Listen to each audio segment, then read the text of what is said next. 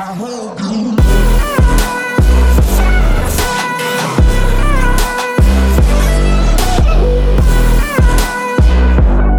fam, what's going on? En thanks voor het luisteren naar deze 22e podcast van een Maxed Out podcast. It's your boy, Dunnebeer. En ik ga deze... Ik weet ook niet waarom ik dat zei. Maakt helemaal niet uit. Deze podcast gaan we het hebben over mijn fitnessleven. Dus als je deze podcast hebt geopend, nou, ik super tof dat je wil luisteren naar mijn fitness journey. En ik zal er ook zeker voor zorgen dat je er waarde uit gaat halen. Ik zal, dan, ik zal wat uh, tips gaan bespreken, dingen die ik heb gedaan die je wellicht anders zou kunnen doen. Maar uiteindelijk heb ik van alles geleerd en zou ik ook niks willen veranderen. Ook al heb ik soms slechte keuzes gemaakt, had ik het beter kunnen doen. Uh, uiteindelijk hebben alle keuzes die ik heb genomen wel ervoor gezorgd dat ik nu sta waar ik nu sta. En op dit moment is dat nog met een kutblessure. Maar die gaat uiteindelijk ook weg. En hoeveel ik heb geleerd van deze blessure is echt abnormaal. Dat is echt. Van een echt goede blessure leer je uiteindelijk zoveel. Omdat je naar veel meer gaat kijken dan alleen spieropbouw. En meer naar je lichaam als een geheel en naar gezondheid en et cetera. Maar daar komen we natuurlijk zo op terug. Want dat is eigenlijk het einde van mijn fitnessleven. Want dat is waar ik nu sta. En we gaan eerst helemaal terug naar het begin. Oké, want iedereen begint natuurlijk met fitness. Want er is altijd een eerste keer dat je de sportschool inloopt. Dat je aan die gewichten gaat rammen als een gek. Zoveel mogelijk doet en denkt, yeah. In ieder geval, zo ging het bij mij, weet je. Ik ging uh, voor de eerste keer sporten. Ik was altijd al veel aan het sporten. Ik had altijd al gewichtjes thuis. Vanaf mijn veertiende uh, was ik al daarmee bezig, weet je. En ik denk dat een van de grootste factoren waarom ik daarmee bezig was, toch wel mijn ogen is. Een beetje een onzekerheid. Want voor mij was altijd mijn missie, het levensdoel. Ik wil dat mijn spieren en mijn goede lichaam eerder opvallen dan mijn ogen. Oké? Dus ik wil niet dat mensen naar mij kijken en zich afvragen: wat heeft die jongen met zijn ogen gedaan? Maar ik wou dat mensen naar mij gingen kijken en als eerst dachten: wat heeft die jongen gespierd lichaam? En daarna, wat heeft hij, oh, wat heeft hij met zijn ogen eigenlijk? Weet je wel, dat was altijd mijn intentie qua sporten. En daardoor was mijn motivatie ook heel erg hoog. Oké, want die motivatie kwam van heel erg diep. Die, die ogen zijn het ergste ding in mijn leven. Ja? En er is en was niks erger als dat. En ik schaamde me altijd heel diep. Maar ja, je ogen kan je niet verbergen. Je kan moeilijk met een zonnebril naar school gaan. En een pet op mocht ook niet in de basis of in de middelbare school. Uiteindelijk bij HBO kon ik wel een pet op doen, dus dat scheelde toen wel. Overigens, nu ben ik wel uh, helemaal overheen. Maar dat is terzijde, dat was toen.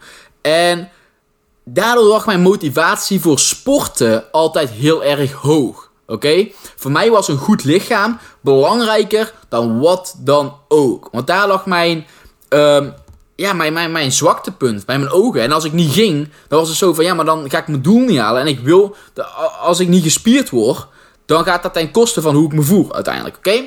Dus dit is even een lange inleiding van sporten was voor mij heel erg belangrijk. En ik moest en zou het ook gewoon doen.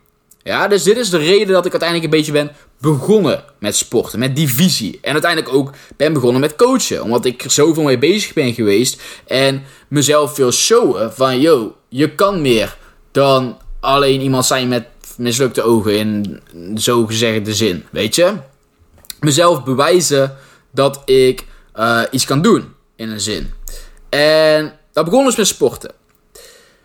En de eerste jaren was het gewoon natuurlijk op mezelf. En ik deed gewoon waar ik zin in had. Weet je wel, toen was ik 15 jaar, 16 jaar. Je gaat naar de sportschool toe en je doet gewoon waar je zin in hebt. En je doet een borstdag, je doet een rugdag. Je doet, uh, nou ja, benen deed je toen nog niet echt heel erg veel. Maar hè, dan deed je een keertje benen. En elke spiergroep doe je één keer, et cetera. En dat is al iets wat je eigenlijk gewoon echt niet wil doen. Elke spiergroep één keer trainen, dat is echt heel dom. Maar ja, dat weet je op het begin niet. En dan doet iedereen op het begin. Uiteindelijk kom je erachter. Nou, dat is eigenlijk misschien niet zo hoe het hoort. Je doet uh, in die tijd nog heel veel herhalingen als de zomer werd. Dus dan ging je 20, 30 herhalingen per, per oefening doen. Denken dat het beter was. Nou ja, natuurlijk helemaal niet waar. Want als je meer herhalingen gaat doen, ga je niet opeens meer toont spieren krijgen. Of whatever je denkt dat er ook gaat gebeuren. Dat gebeurt niet. Dat heeft vooral gewoon met je dieet te maken. Wil je een lager vetpercentage, wil je dat je je spieren beter ziet. Dan zou je gewoon minder moeten gaan eten, zodat je vetpercentage lager wordt. En hoe lager je vetpercentage wordt, hoe meer je uiteindelijk, of hoe gespierder je eruit zal zien, omdat je meer definitie krijgt. Hoe meer definitie, hoe gespierder je eruit ziet. Of het oogt in ieder geval gespierder. Maar ja, in die tijd dacht ik, als je 30 herhalingen doet voor een bicep curl, je doet 6 sets, dan ga je meer toonspieren krijgen. Nou, dat is natuurlijk helemaal onzin en dat gaat natuurlijk nooit gebeuren. Maar dat dacht ik toen. Dus wat je wel moet doen in ieder geval, stel je doet wel nog zoiets, je moet gewoon altijd even zwaar blijven trainen in je trainingen. Je moet niet opeens meer herhalingen gaan doen of whatever, omdat je denkt dat je voor de zomer aan het trainen bent. Oké, je blijft gewoon hetzelfde trainen met hetzelfde gewicht, zware gewichten en ga je echt heel erg laag in je vetpercentage, krijg je echt heel weinig energie. Dan kun je oefeningen als squats en deadlifts wegdoen, omdat die te veel vermoeidheid aan het opbouwen zijn voor je lichaam. Waardoor je één spiermassa laat liggen. Omdat je die uh, moeite beter in makkelijker oefeningen had kunnen stoppen. Waar je meer spanning op je spier had kunnen zetten. En twee, je hebt veel meer blessurerisico. Oké? In die tijd had ik ook nog gewoon wat ik wou. Weet je wel, het is gewoon, je bent nog niet echt met, met uh, voeding bezig. Alleen dan na een tijdje begint dat toch te kriebelen, weet je wel. Dan zie je influencers, en toen was ik echt nog 15, 16, weet je wel. En dan zie je influencers allemaal uh, andere maaltijden eten. En dan denk je van, oh, hun eten andere dingen. Dat moet ik misschien ook gaan doen. Dus toen begon ik de gekste maaltijden te eten. Begon je meer kwark te eten. Ei met tonijn heb ik als een gek zitten eten. En je begint gewoon allerlei dingen te eten die influencers ook eten. En je gaat trainingen kopiëren van influencers. Je gaat maaltijden en gewoon hele diëten kopiëren van influencers. Je gaat op YouTube kijken naar bodybuilding uh, video's. En dan kijken wat ze eten. Kip, rijst en al dat soort dingen. En op een gegeven moment heb je zoiets van, oh dat wil ik ook. Dus dan ga je al die dingen doen. Nou, dat, daar liggen al heel veel fouten. Want één, dit zijn professionals. Twee, ze hebben hele goede genen. Dus wat hun doen wil niet per se goed zijn. Want ook al zouden hun het verkeerd doen, en de meesten doen het verkeerd, hun hebben gewoon een genetica pakket gekregen van hun ouders. Waardoor ze sowieso gespierd zouden worden als ze de sportschool binnen zouden lopen. Ongeacht wat ze eten. Oké? En ongeacht wat ze trainen, hoe ze trainen, hoe goed de trainingen zijn opgebouwd. Die spieren zijn er gewoon voor gemaakt om te groeien als ze een gewicht aanraken. Oké? En dit hebben maar heel weinig mensen. Maar dit zijn wel de top van de top. En dat zijn de mensen die jij ziet als je je YouTube opent en daarom advies probeert te vragen. Weet je wel? Uh, maar dat was dus een fout. En dat moet je dus ook nooit doen. Want het moment dat jij zo'n training van hun gaat overnemen, dat is veel te veel volume. En met volume bedoel ik het aantal sets dat je doet per spiergroep. De meeste van die mensen doen zelfs 20 sets voor je biceps en triceps. Met 6 tot 10 sets heb jij meer dan zat armwerk gedaan. Oké, een voorbeeld. En je hoeft ook niet, uh, als jij je borst aan het trainen bent, 4 sets van dit, 4 sets van dat, 4 sets van dat. Nee, pak 10 tot 20 werksets per week en dan zit je gecoverd. Ja, dus hetzelfde met de maaltijden. De calorieën en eiwitten die hun nodig hebben, die heb jij niet nodig. Hun hebben anabole steroïden. Ja, dat zorgt ervoor dat ze meer eiwitten kunnen eten, want er worden dan meer eiwitten opgenomen voor de eiwitsynthese. Als je dit niet gebruikt, dan zal je niet zoveel eiwitten nodig hebben. En dan kan je beter meer koolhydraten eten. Ja, of meer gezonde vetten. En ik zou dan aanraden om meer koolhydraten te eten om je glycogeenvoorraden te vullen. Maar je hebt nergens zoveel eiwitten voor nodig als hun. Soms eet ze 300 gram eiwitten. Eet ongeveer 2 gram eiwitten per 1 kilogram lichaamsgewicht. Oké, dat is meer dan zat. Meer heb je echt niet nodig. En dan kan je beter dus in koolhydraten stoppen, zoals ik net al zei, omdat je meer energie krijgt. Um, maar ja, dan ga je dat alles doen. Weet je, en dan ga je naar die video's kijken. En dan denk je dat dat goed is. Oké? En nou, dan doe je dat een tijdje, et cetera. En op een gegeven moment dan ben je al best wel even bezig. En dan kom je op plateaus terecht. Dus je gaat je gewicht niet meer vooruit. Je gaat in, gewicht niet meer vooruit. En je weet gewoon echt niet wat je moet doen. Oké, dus op een gegeven moment uh, ging ik naar een coach toe in mijn, in mijn uh, sportschool waar ik was. En dat was mijn allereerste coach. En ik vond haar een super chille gast. Echt waar. Heel veel van geleerd. Uh, maar het was een hele old school coach. Ik denk dat ik toen een jaartje of 18 was toen ik daarheen ging. En hij vroeg echt niet veel, echt heel weinig. En hij, hij, was eigenlijk alleen met mijn dieet bezig. Oké?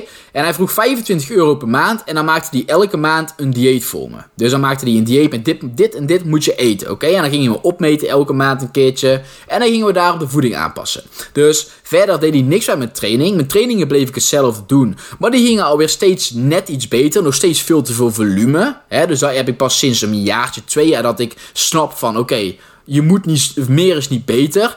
Destijds deed ik nog best wel veel allemaal. Oké? En waar hij dus deed was de voeding de hele tijd. En het begon gewoon met uh, normaal, echt een, een bodybuildingsdieet zoals een bodybuilder het zou doen. Weet je wel, back in the days. Want het was echt zo'n hardcore dieet de hele tijd, weet je wel. En ik voelde me ook echt gewoon zo van, ja, nou ga ik echt breed worden. En ik was ook aan het groeien, want ik was meer calorieën aan het eten dan... En ik was mijn voeding aan het bijhouden. Dus logisch dat je dan in gewicht omhoog of omlaag gaat. En uh, dat waren echt maaltijden van broccoli, kip... Uh, en echt alleen maar rijst en kip. Eigenlijk bijna alleen maar dat. En dat was dan drie keer per dag. En dan moest ik zes tot zeven maaltijden gaan eten. Om een stofwisseling op gang te houden, et cetera. En dan moest ik overal op letten. En dan kreeg ik soms één, soms één keer in de twee weken een cheap meal. Oké, dus soms één keer in de week een cheap meal. Soms twee keer in, of uh, één keer in de twee weken een cheap meal. En that's it. Voor de rest alleen maar de maaltijden die er stonden. En daar leer je ook veel van. Want je leert ook dit is niet wat ik niet voor de rest van mijn leven wil doen. Weet je? En, maar op dat moment was het nog zo van, ja, dit is gewoon de shit. Dit is hoe het hoort. En door rijst en kip word je breed. En de rest van de voeding is allemaal niet goed voor je lichaam, weet je wel. Daar, bouw je geen spiermassa helemaal op. Met rijst en kip, daar bouw je clean spiermassa mee op, weet je wel. En uh, dat was wat ik toen dus twee jaar lang heb gedaan. Elke dag. En op een gegeven moment was ik daar ook een beetje klaar mee. En dan heb ik zo, wou ik ook gewoon andere dingen gaan uittesten.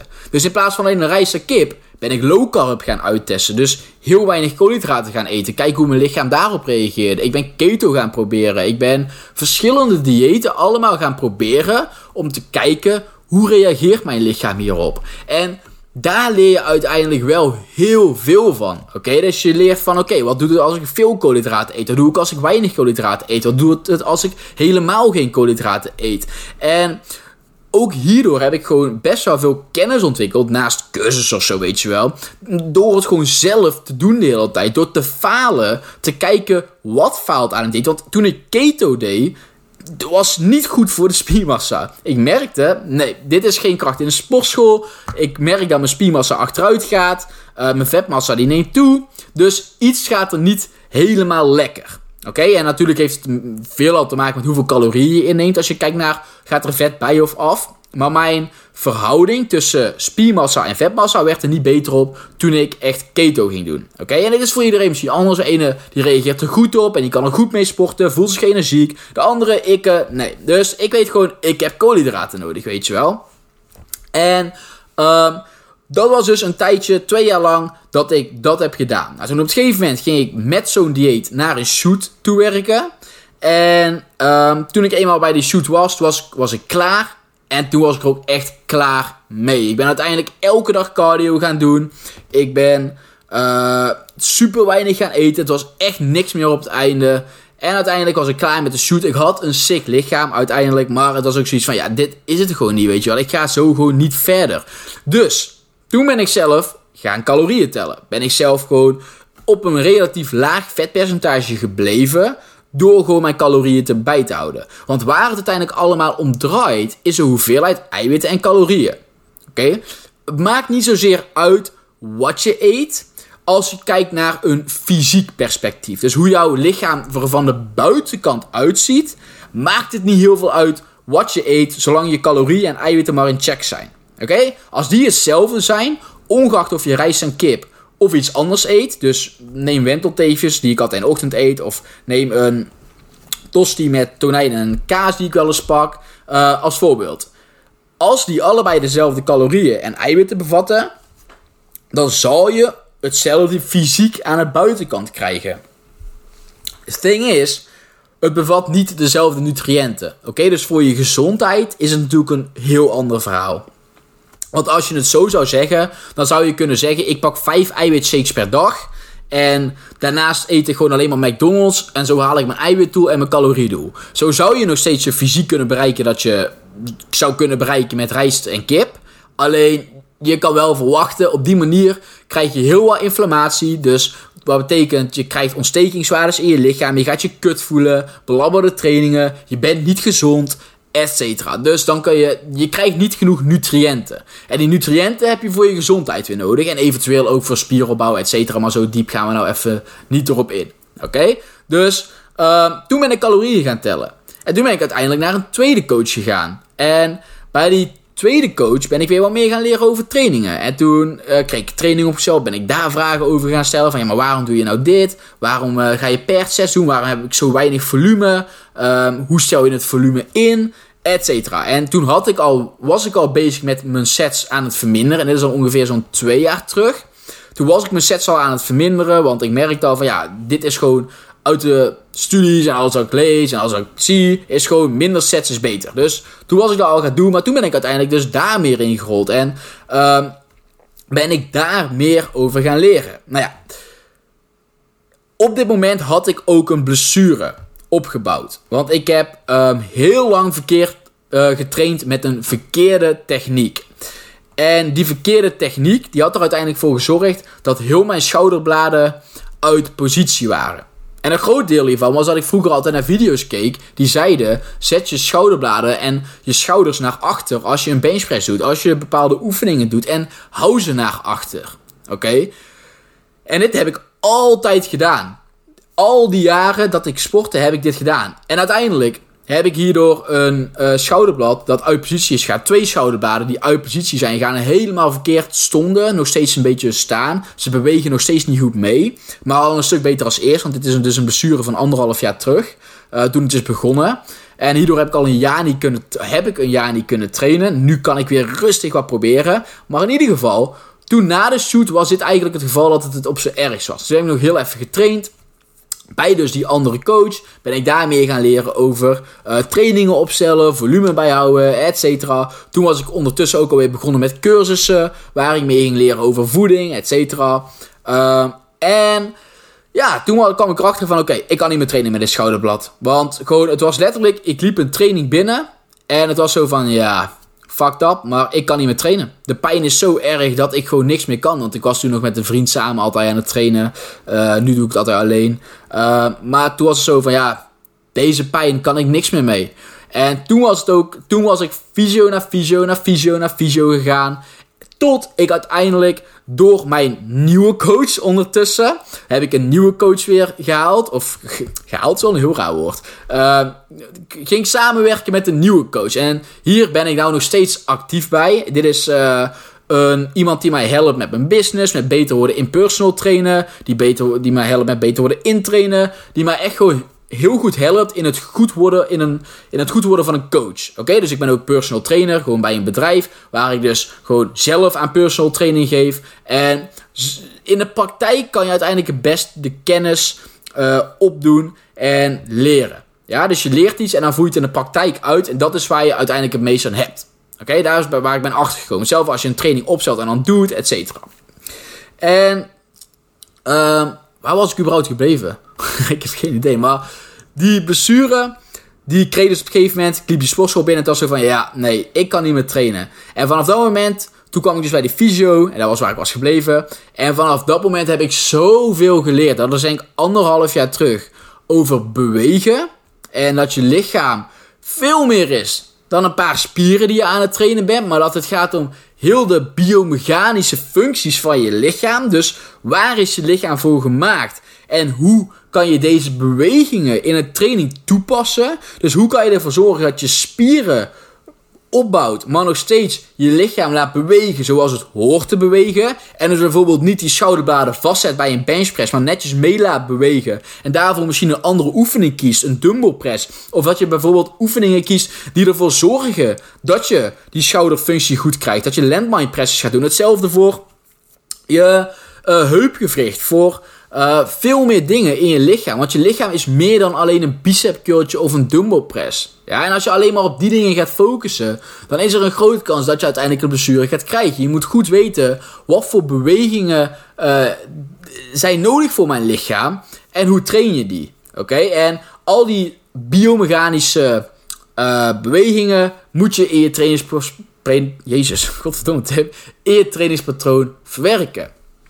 En dat is dus wat ik toen mee gaan doen. En deze video heette destijds Bruce Frits. En daar ben ik al even niet meer geweest. Maar weet zeker dat ik daar ooit nog wel een keer terugkom voor iets. Want ja, er zal ooit nog wel een keer iets gebeuren. Uh, en destijds, op dit moment, ben ik dus nog steeds bezig met mijn schouderblad. Ik ben nog steeds trainingen aan het doen die zich focussen op het schouderblad. Zodat het schouderblad weer goed komt te staan. En uh, aan de ene kant zou ik dan kunnen zeggen van, had ik de blessure niet gewild? Nou ja, ik heb er wel veel pijn aan elke keer. De trainingen gaan nog niet super. Ik heb mindere dagen, betere dagen, uh, et cetera. Dus, is dat fijn? Nee.